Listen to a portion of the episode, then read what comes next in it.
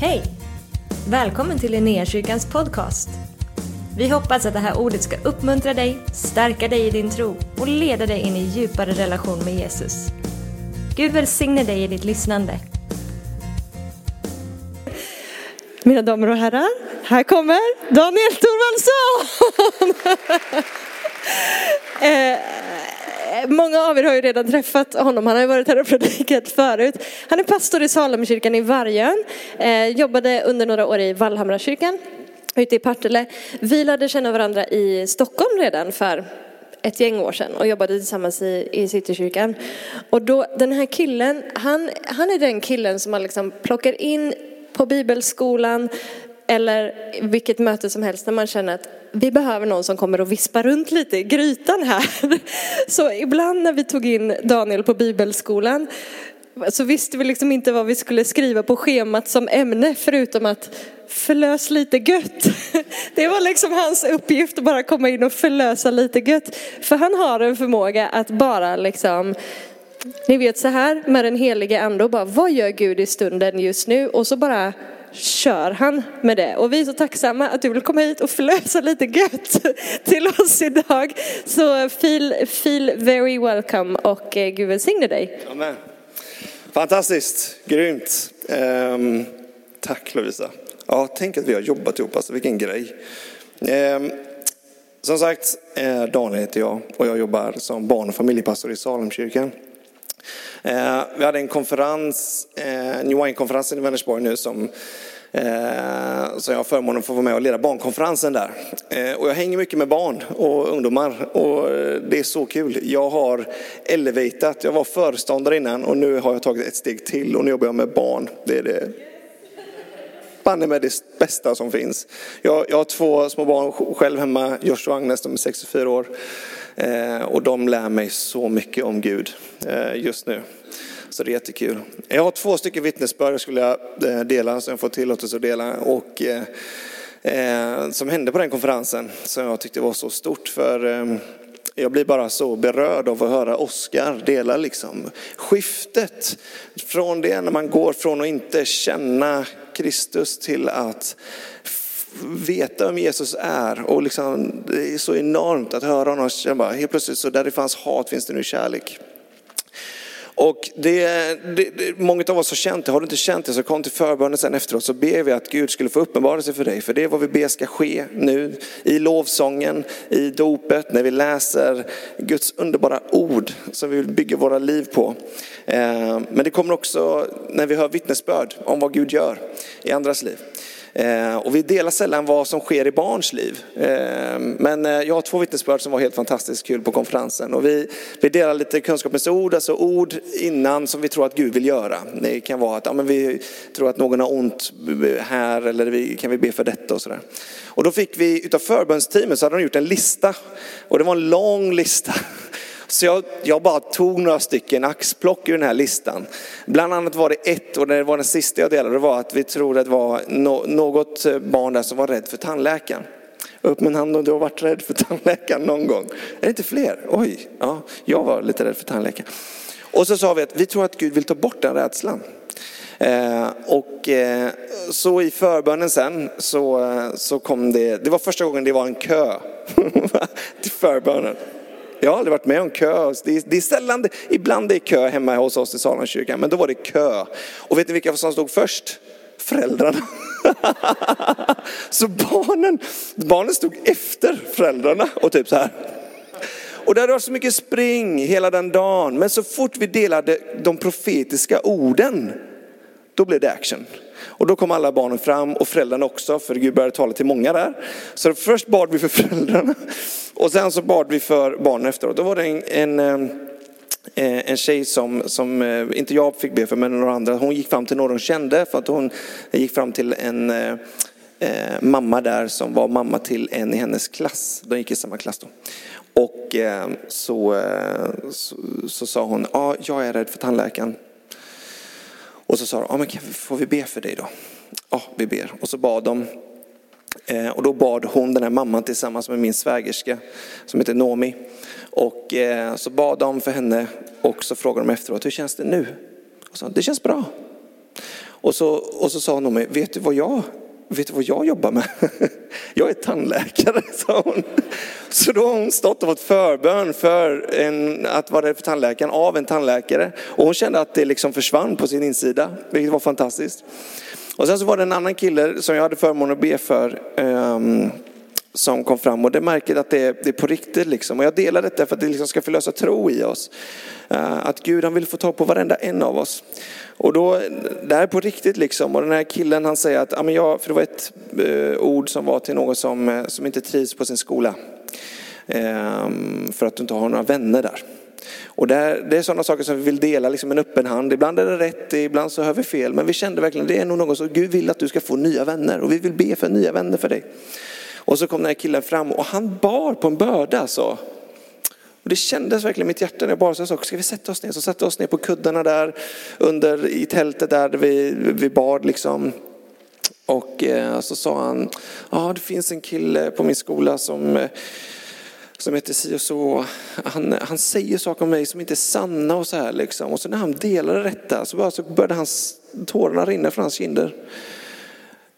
Och sen så hade vi olika bönestationer där, där man kunde eh, sätta ett fingeravtryck på korset för att veta att jag tillhör Jesus. Får barnen göra det?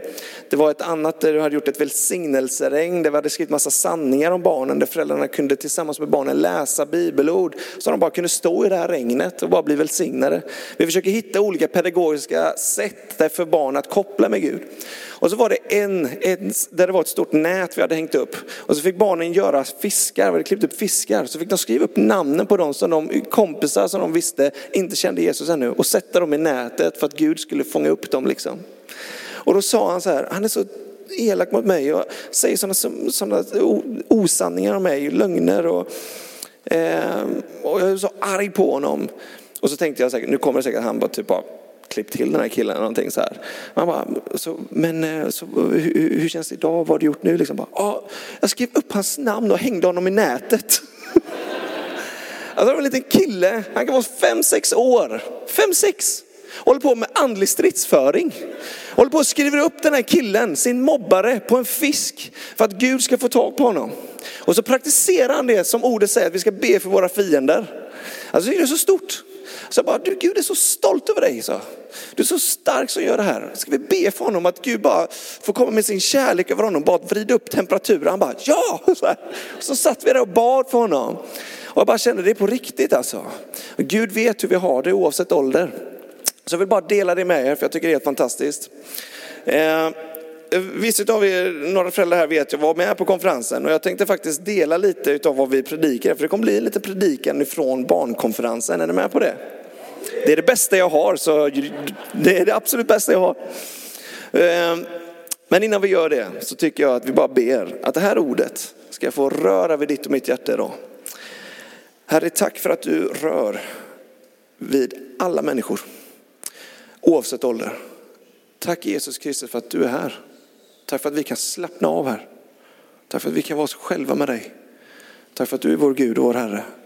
Tack för varje person som har kommit hit idag. Tack för att du har kallat dem och utvalt dem. Vi har inte utvalt dig utan du har utvalt oss Herre. Vi är dina barn.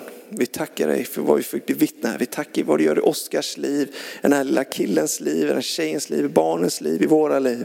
Och vi ber heligande, kom, ta din plats mitt ibland oss.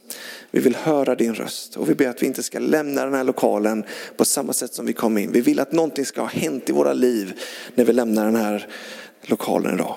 Tack för din kropp, tack för kyrka. I Jesu namn. Amen. Amen. Vi hade en predikoserie Ehm, på konferensen som hette Allt är möjligt. Som handlade om hur Gud greppar tag i människors liv och det som var en omständighet eller ett, ett hinder helt plötsligt blir görbart. När Jesus gick på, på, på jorden så talade han om Guds rike. Han säger Guds rike är inom er, det är inom räckhåll, det är nära. Men han, han sa också att Guds rike är inte bara ord, utan det är kraft. Det är synbart, det går att se. Eh, jag, håller, jag och min fru vi pratar mycket om detta med våra barn. Min dotter Agnes, hon, just nu är hon inne i en period där hon säger att det hon brottas lite med detta att hon inte kan se Jesus. Men vi pratar mycket om att han är i ditt hjärta. Han är här, även fast vi inte kan se honom. Vi talar lite om helig ande som vinden, som vi inte kan se vartifrån den kommer eller vart den är på väg, men vi kan se effekten av att den är högst verksam. Och så i morse, det var så fint. Ni kommer märka att jag är väldigt distraherad idag för jag har semester. Så att, eh, där, välkommen in till min, det här är en eh, semesterpredikan. Men det är lite skönt och avslappnat också. Och då så i morse, så i mitten av hennes struggle med Gud, att hon inte kan se Jesus på det sättet hon kanske förväntar sig att se honom. Um, just nu. Så tog hon, eh, vi har sådana här grejer så barnen kan vara med och dansa och vi har mycket barn i salen så vi försöker anpassa mycket gudstjänster efter dem. Eh, och så tog hon tag och så när jag och min fru vi sjöng lite lovsång idag så stod hon där och dansade så här som hon hade sett andra göra. Så bara dansa i Guds närvaro. Alltså det är som att smälta här inne ska jag säga dig. Och jag tycker det är så fint. Så i mitten av hennes frågetecken om Gud så tar hon bara med tid och dansar inför sin Herre och skapare. Du, vet, du behöver inte veta allting om Gud, men du kan välja precis som David, psalmisten, att säga till din själ, nu tillber jag i mitten av alla mina frågetecken. Vi är alla på en resa tillsammans med Jesus att lära känna höjden, bredden, djupet, längden av hans kärlek för oss. Men i mitten så får vi inte glömma av att liksom dansa loss. I mitten och ha lite kul med Gud. Ehm, men då hade vi en, allt är möjligt var temat och så hade vi gjort en liten tidslinje så här. Där poängen var att gå igenom lite att alla personer som Gud har använt, som Gud har kallat, som vi läser om vid namn i Bibeln var jag tänkte säga miffon, men jag ska låta det vara osagt. Men det var nära på. Alltså det var, folk hade sina problem om vi säger så. Och vi är samma idag. Du har dina problem, jag har mina problem. Så vi har alla problem, så nu kan vi stryka det. Men alla de här, om vi börjar, vi började med Mose. Så började en kväll så predikade vi om Mose. Han var en mördare, han hade haft ihjäl en egyptier. Han hade flytt från sitt kall som Gud hade över hans liv. Och så får Gud tag på honom. Och det bästa med Gud är att han sträcker sig efter och jagar ikapp oss. Alltså ingen går säker. Alla kommer att bli uppsökta av honom för hans kärlek stannar aldrig. Han är, he has made his mind up about you. Så han fortsätter och plötsligt så får man ett sms och frågar, har du tänkt på Gud på sistone? Så blir man med på ett bönemöte och så bara tänds någonting vackert inombords. Gud har sina vägar och jag är så tacksam att han inte släpper taget om mig. Alltså. Vi gick igenom Mose, vi gick vidare, Gideon. Jag vet inte om du har läst om honom, men det är en person i Bibeln som brottades med insignifikans, att, vara, att inte vara betydelsefull. Han sa, Gud om du är med mig, varför händer all den här skiten mig nu? Jag är den minsta i Manasseh. Och då, det här säger han till en ängel som står framför honom. Alltså då hade jag ändå varit lite mer övertygad. Men han är liksom bara, okej, okay, men om du är för mig, varför står jag här och försöker gömma käk för fienden? Hur som helst, long story kort här. Gideon fortsätter ehm, och ehm, han inser att det är Gud han har att göra med. Plötsligt så får han ett mandat, någonting som bara händer om. Han blir en fantastisk ledare, inspirerar människor, så får han tusentals med sig. Men bara för att han ska komma ihåg att det inte är hans styrkan utan det är Gud som kommer att föra honom till seger och hans folk till seger, Israel till seger. Så slimmar Gud trupperna så det går från 10 000 till 300. Bara för att han ska veta att det här är bara Guds verk. Men Gideon han brottades med grejer. Vi går vidare till Daniel som trots att han levde ett liv i bön och överlåtelse ändå hade folk emot sig. Trots att han gjorde allt som Gud bad honom så var han i en kokhet ugn och i en eh, lejongrop. Men han sa inte Gud var är du nu? Utan han fortsatte vara, följa honom, var överlåten till honom. Så gjorde att ett helt kungarike började komma till tro på den evige. David, samma sak där. Otrogen, hade många saker för sig, men han var en man efter Guds eget hjärta, säger Gud. Vi, hade, vi gick igenom Ester och det är roligt, nu går jag hela, ni får liksom en slimma, ni kan fråga vad, vad predikar pastorn idag? Han predikar hela Bibeln ja, men en fantastiskt modig kvinna, Ester liksom. Läs den boken om du inte har gjort det. Som, eh, som tack vare hennes mod och hennes relationer och favörer, relationer runt omkring henne räddade hela det judiska folket. För att hon var lydig Herren, Guds röst. Och sen jag tänkte predika och tappa in till lite extra idag. Det är Petrus. Vi hade många olika bibelkaraktärer som vi ville poängtera att de hade sina grejer. De hade begått misstag, gjort bort sig och ändå så använde Gud dem. Vi ska läsa om när Jesus möter lärjungarna gåendes på vatten och det är en bibelberättelse som flera av er kanske har läst innan. Eh, vad som precis har hänt här är att Jesus har demonstrerat ännu mer vem han är och vad Guds rike handlar om. Jesus säger ofta flera I am statements. Jag är livets bröd, säger han. Så han säger det ut, jag är livets bröd. Och sen bekräftar han det i en kraftgärning genom att tusentals människor får mat mirakulöst från en killes, ett barns matsäck. Det är helt crazy, men det sker när Gudsriket är närvarande. Så lärjungarna, återigen tolv stycken, miffon, tolv personer som hade sina grejer, sina liv, precis som du och jag. It's relatable. Det går att läsa detta och tänka, det här gäller mig. Det här är kristen tro, handlar inte om några människor som har allting hemma och liksom lever perfekta liv, utan liksom, oh vad vi har behov av honom. Och eh, lärjungarna, de var långt ute, eh, utanför närmsta stad och folk började bli hungriga, folk blev botade och han predikade till dem Jesus. Och sen så började det bli dags för käk och så kom det någon som hade lite så här eh, eh, Eh, lite känsla för att nu är det dags att börja runda av. Och så kommer de till Jesus och säger, folk är hungriga. Och då säger Jesus en sak som jag tycker är väldigt intressant. Han säger, ge ni dem att äta. Och jag har alltid läst det av någon anledning med lite att Jesus skulle ha någon slags sarkastisk ton där. Alltså ni kan ge dem att äta. Men jag tror han verkligen var, alltså bara, nej men ni kan, ni kan ge dem att äta. Och tänk dig att Jesus skulle säga en sån grej till dig, att du är mitt ute i nowhere och sen så vänder han sig till dig. Du märker att det är 10 000 pers här, minst. Det är långt hem, solen börjar gå ner, det blir kallt, det finns många bekymmer med detta. Och så just att kunna se det med andliga ögon. Den är inte lätt alltid kan jag känna. Men Jesus är tydlig, han säger, Ni har, du har allt vad som krävs för att ge alla de här mat. That's a stretcher. Den får min hjärna att bara... Men jag tror han säger det till mig. Jag tror han säger det till dig också.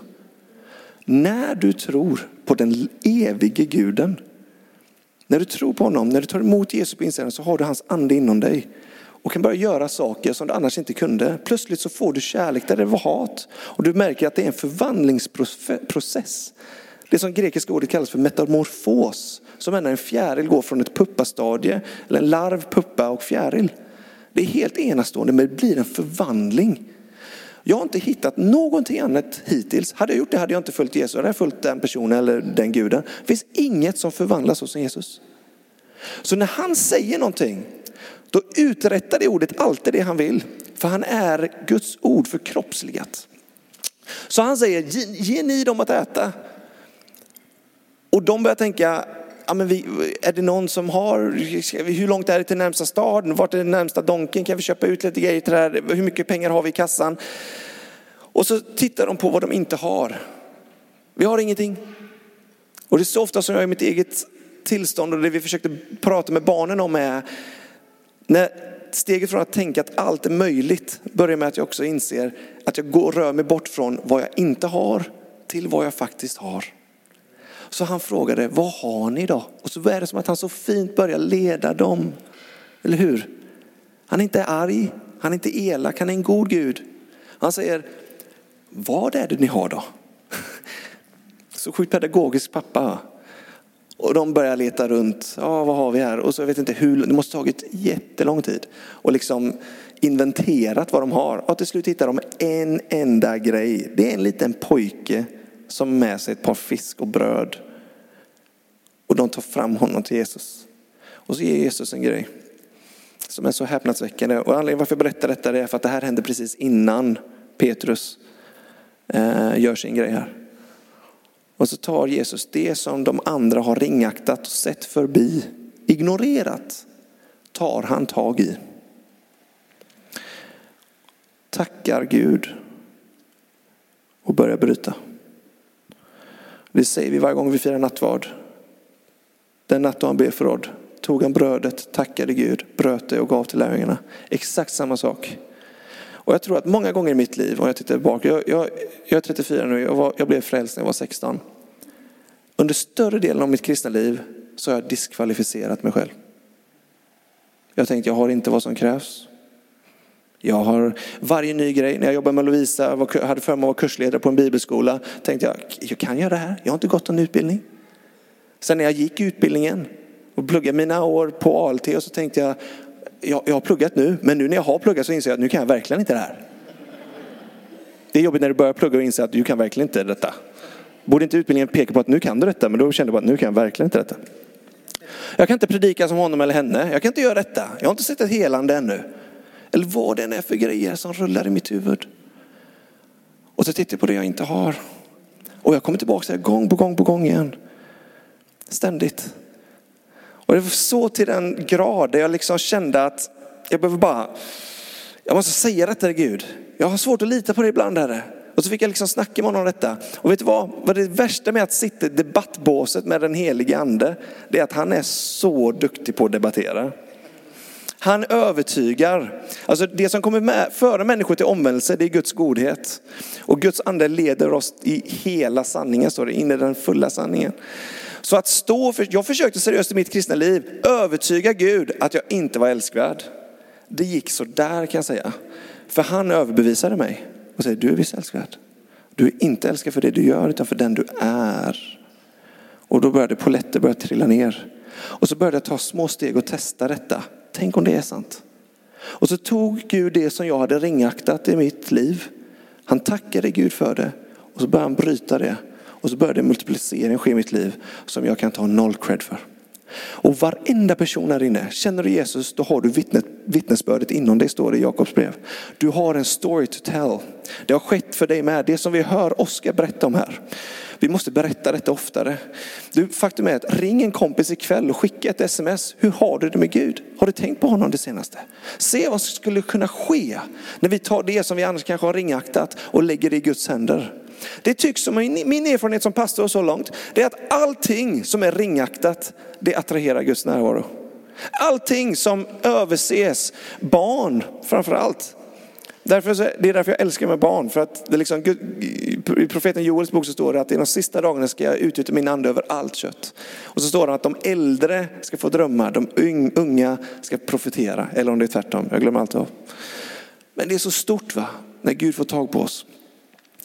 Så han, och så får alla de här tusentals människorna mat.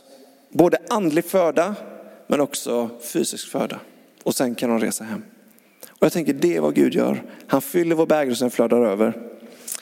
Så eh, när vi försöker med detta hemma, alltså som förälder, man gör det bästa man kan genom att vara ett gott föredöme och berätta för sina barn om vem pappa Gud är. Och så är det så kul att ibland så greppar de det och ibland så greppar de det inte. Och det är precis så som det är med mig. Va? Jag kan tänka Gud säger saker till mig och så vissa saker förstår jag till en del och andra saker glömmer jag bort och sådär. Eh, för några år sedan till exempel när vi snackade om bön hemma. Det var när vi bodde i Sävedalen. Ehm, så ehm, hade jag bråttom en morgon, jag har kanske berättat detta innan någon gång, men jag hade bråttom en morgon, skulle snyta mig, vi skulle ta med mig barnen till förskolan, så snöt jag mig och så fick jag massvis med näsblod. Och det har aldrig blött så mycket, det bara och så någon drog ut en kork och så bara. Så jag la mig ner så här och var lite stressad och så la jag mig ner och och min yngsta, min, min dotter då, hon säger, ah, pappa hur är det? Så här, hon ser att pappa har ju tydliga problem här då. Ligger på, på soffan och bara blöder. Och Miriam hade gått till sitt jobb och hon säger, ehm, och så säger jag, ah, det är, det är okej med pappa, det är ju inte ont eller sådär. Liksom, utan jag, jag ska bara låta det sluta blöda, ska vi gå till förskolan sen? har man den där pappa, fina papparösten när man pratar med sina barn. Och sen så säger jag, men du kan gärna be för mig om du vill. Och då går hon in. Ja, ah, det var första gången jag såg det. Det har skett vid några fler tillfällen. Men när hon ser att pappa behöver hjälp här. Då går hon in och är liksom min intercessor. Hon är min förebedjare som bara ser, bara märks i hennes blick att hon bara hon behöver liksom agera här. Så hon går fram och lägger handen på min panna. Jag vet, vad hon har sett det vet jag inte. Hon bara lägger den på min panna så här. Liksom barn har det i sig. I'm telling you. Och så, så lägger hon handen på pannan och så ber hon bara. Jag kommer ihåg att till och med att hennes eh, eh näsborrar typ fladdrar. Och jag bara, vad händer nu? Så här. Hon bara, gode Gud, välsigna maten, amen. Blödningen slutade med en gång. Jag blev helad. Det slutade att blöda. Jag tar det till mig som ett mirakel och jag är så tacksam för att det är inte så viktigt med ord eller vad vi säger, utan att vi kliver ut i tro. Och det visade min lilla tjej där. Hon var två år då. Alltså om kan min tvååring göra det, då kan du det också.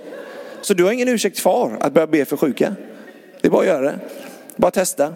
Det är inte genom vår kraft utan den helige. Och han agerar genom alla. Och jag blev så glad av det. Hon bara, gode Gud välsigna maten, amen alltså. Så det gör vi ofta nu, vi ber om det ofta. En annan gång var samma, det var, hade vi hemgrupp, kommer massvis med minnen här nu.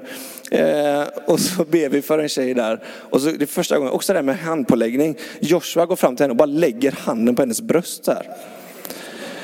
Och hon börjar ju skratta lite och jag bara... Så. Man får liksom ha lite så här decency, givetvis. Så han har, men nu har han, han har lärt sig lite fingertoppskänslan där. Men det hade han inte då. Då var han också bara så här tre år eller något. Nu, det var en lång inledning. Ska vi gå ner i Guds ord eller? Ska vi läsa? Lovisa sa det, rör om lite i grytan så det är vad jag gör. Så Jesus, de har precis gett tusentals människor som varit hungriga, de har fått mat. Och sen så händer en grej nu då. Att Jesus skickar iväg dem ut i en båt att föra i förväg, för han behöver vila. Han behöver vara med sin pappa. Så Jesus drar sig ofta undan för att vara med sin fader. Och då står det så här. I Matteus evangelium kapitel 14, vers 22. Strax därefter så befallde han lärjungarna att stiga i båten och föra över i förväg över till andra sidan sjön. Medan han själv sände iväg folket. När han hade skickat iväg dem gick han upp på berget för att få vara för sig själv och be. När det blev kväll var han ensam där. Båten var redan långt från land och hårt ansatt av vågorna eftersom de hade motvind. Mot slutet av natten kom Jesus till dem gående på sjön. När lärjungarna fick se honom gå på sjön så blev de förskräckta och sa det är ett spöke. Och de skrek av rädsla. Men genast sa Jesus till dem, var lugna, det är jag, var inte rädda. Petrus svarade, Herre om det är du, så befall mig att komma till dig på vattnet. Alltså jag ska läsa det igen för det här är smått otroligt. Petrus svarade, Herre om det är du så befall mig att komma till dig på vattnet. Han sa, kom. Petrus steg ur båten och gick på vattnet fram till Jesus. Men när han såg hur stark vinden var blev han rädd. Han började sjunka och ropade, Herre rädda mig. Och genast räckte Jesus ut handen och grep tag i honom och sa, så lite tro du har, varför tvivlar du? De steg i båten och vinden la sig och de som var i båten tillbad honom och sa, du är verkligen Guds son. Du vet, du kommer gå igenom faser i livet där du kommer säga, jag vet att jag är kristen, jag tror på Jesus, jag vet att, att han är Gud. Men så finns det tillfällen då du känner, du är, han är verkligen Gud. Det skiftet kommer alltid när en omständighet blir förvandlad av Guds närvaro och hans ord. Det är när du ser det vått på torrt, alltså du ser det här, det här händer nu. Det sker någonting just nu i mitt liv. Och det är Herrens hand all over it. För Petrus var, precis som alla de andra, jag har tagit upp några stycken på den här tidslinjen. Petrus som var eh, många teologer när man läser om Petrus var en, en man som liksom gjorde först, tänkte sen. Han var ganska hetlevrad. Ehm, han var en av de lärjungar som Jesus hade en väldigt nära relation med. Han, hade, han talade mycket, han, en, han pratade väldigt mycket, fick honom ibland i lite trubbel. Ehm, och han eh, han är den enda som vitt jag vet har blivit kyssad av Gud typ. Och det är när de är uppe på de här och bygger de här, han vill bygga tre, tre hyddor. När Jesus uppenbarar sig och han säger, åh det är så bra att jag är här. Och då är det som att Guds röst bara tar över. Det är väldigt roligt faktiskt. Jag ser det framför mig att Jesus, Gud bara så här, var tyst typ. Ehm, men vad som sker här är så enormt spännande och det finns så mycket saker man kan se utifrån den här texten. Men för att se bara vad det är som äger rum här så är det ju att Jesus, de har sett väldigt mycket, de har sett ett jättestort matunder. Och direkt därpå så blir det problem. Det är motvind, läser vi. Det är storm och det är natt. Och när de tre är kombinerat, ganska livsfarligt. Är det någon som är sjöfarare eller, eh, ja, du kan bekräfta det kanske. Det är en ganska dålig kombo. För att man vet, de var rädda till döds. De var förskräckta. Samtidigt som de ser en man, en, en, en, en figur. På grund av vågen och stormen så måste det varit väldigt svårt att urskilja vem det är som kommer. Men de trodde att nu, det där, nu är vi körda. typ så, för nu kommer det något här. Ja, men jag, kan bara, alltså jag, så här, jag kan bara sätta mig in i den situationen, hur sjukt det måste varit. Nu, vi håller på att dö och där kommer någon och ska hämta oss. Typ. Ja, men vad tänker man? Alltså vet, den paniken, och jag kan ju skratta åt det nu, men liksom någonstans, du kanske har varit i en liknande situation, det finns ingen utväg. Det, det går bara ner. Och i det så kommer räddningen gående på vatten mot dem. Och det finns så mycket saker som man kan skilja ur detta. Men det som jag liksom kände när jag läste om detta bara i morse, som tog min uppmärksamhet, är många gånger när jag har varit med om när det har varit tufft i ens liv, och det är mitt tufft, skulle jag vilja säga. Det finns människor som har det tufft, tufft. Och jag är inte en sån person. Eh, man kanske inte ska jämföra, men det finns människor här inne som har det tufft, tufft. Och jag är fullt medveten om det. Eh, men framförallt så är då den här predikan till dig. Eh, men när det kommer till att Petrus ser detta och märker hur hans reaktion är så som har liksom caught my attention. Jag bara tänker på det om och om igen. För när jag står inför en tuff situation så blir oftast min respons att jag blir, kanske blir arg på Gud. Och så kör jag hela den här teodicea-grejen att om Gud, lite som Gideon sa, O Herre om du är för oss, varför händer då allt detta? Det är min respons ibland på Gud. Om du är god, varför utstår jag då så mycket smärta just nu? Men Petrus, istället för att säga, för eh, Jesus ropar det är jag. Så rösten hör de, rösten går igenom. Så de hör innan de får se honom visuellt är rösten. Bara det är väldigt intressant. Eh, jag fick reda på nu eh, Benjamin och Olivia som fått en knodd då. Jag kommer ihåg själv när min fru var gravid med, med vårt första barn, med Joshua. Så redan vid, jag tror det är vid tre veckor, så kan barnet urskilja röster. Det är snart alltså. Innan mina barn fick se mig så hörde de mig. Det är nästan som hela födseln är en stor en profetisk skeende typ. Alltså när Jesus talar om det där så talar han om just förlossning, han talar i de här språken, att bli född på nytt. Han använder det här, den här lingvistiken för att beskriva om Guds rike. Och redan här så är det svårt för Petrus att se om det är Jesus visuellt, men han hör rösten. Och han har tydligen tillräckligt med stoff då för att antingen nu säga du är helt sjuk, hur kunde du låta oss hamna i den här situationen? Vad är det jag ska lära mig av detta? Typ den reaktionen skulle jag tycka var helt okej. Okay. Jag vet inte, det kanske bara är jag och pastorn som säger sådana saker till Gud. Men det är liksom bara, här kommer du och bara dansa fram på vågorna. Medan vi håller på att dö här. Var det gött med farsan eller? Var det, hade, du, hade du det trevligt med Gud? Jag vet inte, det kanske bara är jag här inne som tänker så. Men jag kan bli rätt så irriterad ibland på Gud när omständigheter händer. Men inte med Petrus då. Petrus har haft sina grejer. Men det här tillfället så är det annorlunda. Han säger inte det, utan han säger så här, för han har sett vad hans Jesus är kapabel till. Och så har han börjat fundera själv. Jag vet inom det militära så vill man inte bara ha personer som bara säger yes sir, no sir. Utan man, eller bara yes sir. Men man vill också ha personer, ibland i vissa, vissa ni kanske har sett eh, eh på kanal 4 så har de den här elitsoldaten, vad heter den? elitsoldatens hemlighet. Ja, då säger de ofta så här, we want the thinking soldier, säger de. Alltså någon som inte bara gör som du blir tillsagd av en general, utan du kan faktiskt, om det skulle vara så att du är ute och opererar på eh, offentlig mark, så ska du kunna lägga ihop ett plus ett själv. Du kan inte ha någon som säger till dig vad du ska göra alltid. Det kommer en tid då du kommer behöva agera på eget bevåg och ta lite initiativ. Och då måste du tänka. Jesus säger så här, jag kallar er inte längre slavar eller tjänare, utan jag kallar er för vänner. För att en tjänare eller slav vet inte vad hans mästare gör.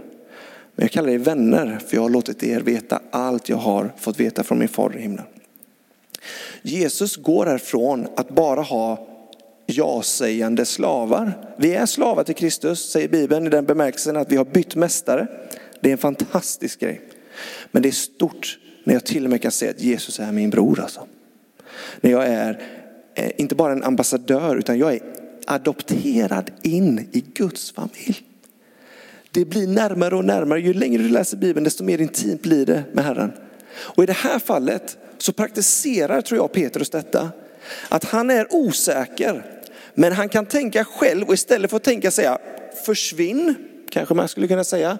Eh, nu paddlar vi åt det hållet, långt bort från den grejen, så långt snabbt vi kan. Kom igen nu gubbar. Det skulle man också kunna säga. Vilket hade varit helt normalt. När man är rädd, då är det fight or flight. Och så finns det här ett väldigt fint tredje alternativ. Och det är du, när, när du i din ande känner att antingen så är det ett spöke, men det är någonting i rösten som gör att jag ändå bara måste fråga. Om det är du, om du säger att du är den du är, vad är då det stora enigmasvaret från Petrus? Det är nästan så att han prövar Jesus. Eller hur? Jag har inte tänkt på det, det här är helt nu, det här är inte min predikan. Ni märker, jag, det här är semester Daniel, jag freebasar det mesta här idag. Men Jesus, det är som att säga, det är jag, var inte rädda. Och Petrus kod till Jesus är, om det är du, då kommer, då, då kommer jag kunna gå på vattnet med dig. Det är så stort ju. Eller hur? Vilket innebär att tänk om jag skulle börja agera så i mitt liv.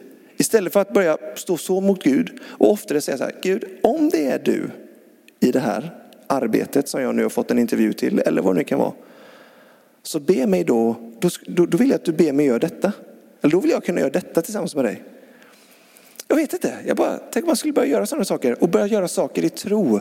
Inte dumma, dumdristiga saker. Men bara att om det är du så tillåt mig att gå på dig, till dig på vattnet.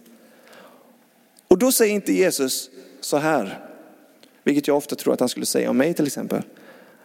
Ah, alltså visst, det här är, du ser mig göra detta, det här är rätt så coolt. Det kommer sen i kurs 5,4. Du är inte där. Du får liksom, ta det lugnt Petrus, det här är bara för oss som liksom har varit med ett tag om vi säger så. Utan han säger, kom! Kom hit! Vad väntar du på? Typ. Och jag tror att det är vad jag upplever att Gud vill säga till dig idag. Det är ett stort kom. Han säger kom. Se vad du kommer kunna göra i Herren din kraft. Och så kliver Petrus ut och så går han på vattnet som är fysiskt omöjligt. Men för Gud är allting möjligt. Samma person som långt senare och även innan, men innan han säger, när Jesus frågar, vad säger folket att jag är? Ja, vissa säger att du är en profet, vissa säger att du är det här. Och så säger Jesus, men vad säger ni? Mina vänner liksom. Du är Messias, den levande Gudens son, säger Petrus. Den, det var, då säger Jesus, jag ska bygga på dig, du är klippan, Petrus som du är klippan. Jag ska bygga min kyrka på dig. På den, här, det, den bekännelsen du just gav, det kommer vara grunden i min kyrka. Som vi läste ut i trosbekännelsen här, Messias, den levande Gudens son. Ehm, och det är så stort. Samma person långt senare, trots allt han har sett Jesus göra, han har hört, han har sett, han har upplevt, han är en Jesu efterföljare. Så är det så fint att faktiskt Bibeln har med hans messaps. Det är inte bara när det går bra, utan Bibeln är tydlig med när det inte går bra och hur Gud är då. Det är de situationerna, de stunderna som vi får reda på vem Jesus är. Och det är när, när, när Jesus blir tillfångatagen och folk kommer till Petrus och frågar, är inte du, var inte du en med dem? Var inte du associerad med honom? Och han säger, nej, nej, nej, det var inte jag. Och det är samma grej när Petrus försöker hindra Jesus från att bli tillfångatagen. Så säger Jesus, gå bort från mig Satan. Det här är min, jag har kommit för att ge mitt liv. Och det är så stort. Så till samma person får han, på dig ska jag bygga hela min kropp och gå bort från mig Satan. Alltså det är både och, men, men någonstans är det så vackert det är att P1 Gud, han, han, han, han älskar oss så mycket. Och sen när Jesus har uppstått så, går, så tar Petrus, när de äter lite fisk, med honom. De har haft lite barbecue, så går Jesus iväg med Petrus vid sidan av står det. Och så säger han, älskar du mig Petrus? Ja, du vet att jag har dig kär. Älskar du mig Petrus? Och så fokuserar Jesus tillbaks Petrus till kärleken. Men Petrus hade sina grejer. Och jag bara kände att jag ville att det här skulle bli en uppmuntrande predikan idag. Där du inser att jag, jag tror att vi är allt för många som brottas med att diskvalificera oss själva. Och försöker komma på anledningar till varför Gud inte skulle kunna använda en sån som mig. Eller älska en sån som mig. Och så tittar jag och läser i min bibel om alla Gud har överbevisat. Och faktiskt proven wrong. Så Petrus går på vattnet. Och han hinner, jag vet inte hur långt han hinner gå. Men kanske ett par meter. Och så börjar han att sjunka. Bara sådär med en gång. För att han ser stormen och lägger fokus på det istället för på Jesus. Och Jesus säger, se på mig. Vad är din tro? Varför hade du ingen? Du har det. Ni kan ge dem att äta. Vad är din tro? Den finns ju där, jag ser den. Använd den. Och jag tror att det finns någonting som bara liksom ligger och väntar på att bli förlöst och verkställt för oss. För någonstans, jag vet inte hur det är med er, men jag känner mer och mer, ju äldre jag blir, nu låter jag som en gammal man, men liksom, jag är bara 34, men så långt jag har kommit så känns det som att det är så mycket mer som väntar på att bli oss givet. Gud, Jesus har, han har betalat ett väldigt högt pris och jag känner att jag får bara ut en liten del av det. Och jag, vill känna, jag känner, jag vill ha mer. Min bön just nu är Gud, ge oss mer. Låt oss förvalta det vi har fått bra och väl. Men Herre, kom med mer. För det måste vara mer än detta. Så jag tänker, ska vi stå upp tillsammans och låtsasteamet får gärna komma fram. Så tänker jag att vi bara ska ta och be och luta oss in i honom och höra hans röst. För jag tror han vill tala till dig specifikt. Sen ska jag lämna över till Elias och gänget. Men jag tänker om du bara där du står, bara stänger dina ögon för att ha lite fokus på Jesus för en stund skulle jag vilja be tillsammans med dig så ser vi vad heligande vill, vill säga till oss. Herre, vi vill tacka dig för ditt ord. Vi tackar dig Gud, Fader, för att du är en Gud som ständigt letar dig fram till oss, som, har, som är så allsmäktig och god, som är så närvarande. Förlåt för att jag ofta missar vad du vill säga eller faller kort, men jag tackar dig för att du ändå väljer ut. Så tack för att du har utvalt varenda person här inne. Tack för att du har utvalt och kallat. Och vi ber Gud just nu om en kallelsemedvetenhet här inne. Och jag ber för dig som brottas med tankar om jag, jag, jag förtjänar inte detta, jag förtjänar inte att bli använd av Gud. Jag tror du kanske är här som, det är saker som du kanske fortfarande känner är skamfyllda saker. Ju mer du närmar dig Jesus kommer du förstå hur otroligt lite det har makten över dig. I närheten av Jesus så faller allt bort. Precis som Elias bad över Oskar här förut i dopet, bara om frihet. Så Gud kom heligande. Sätt oss fria.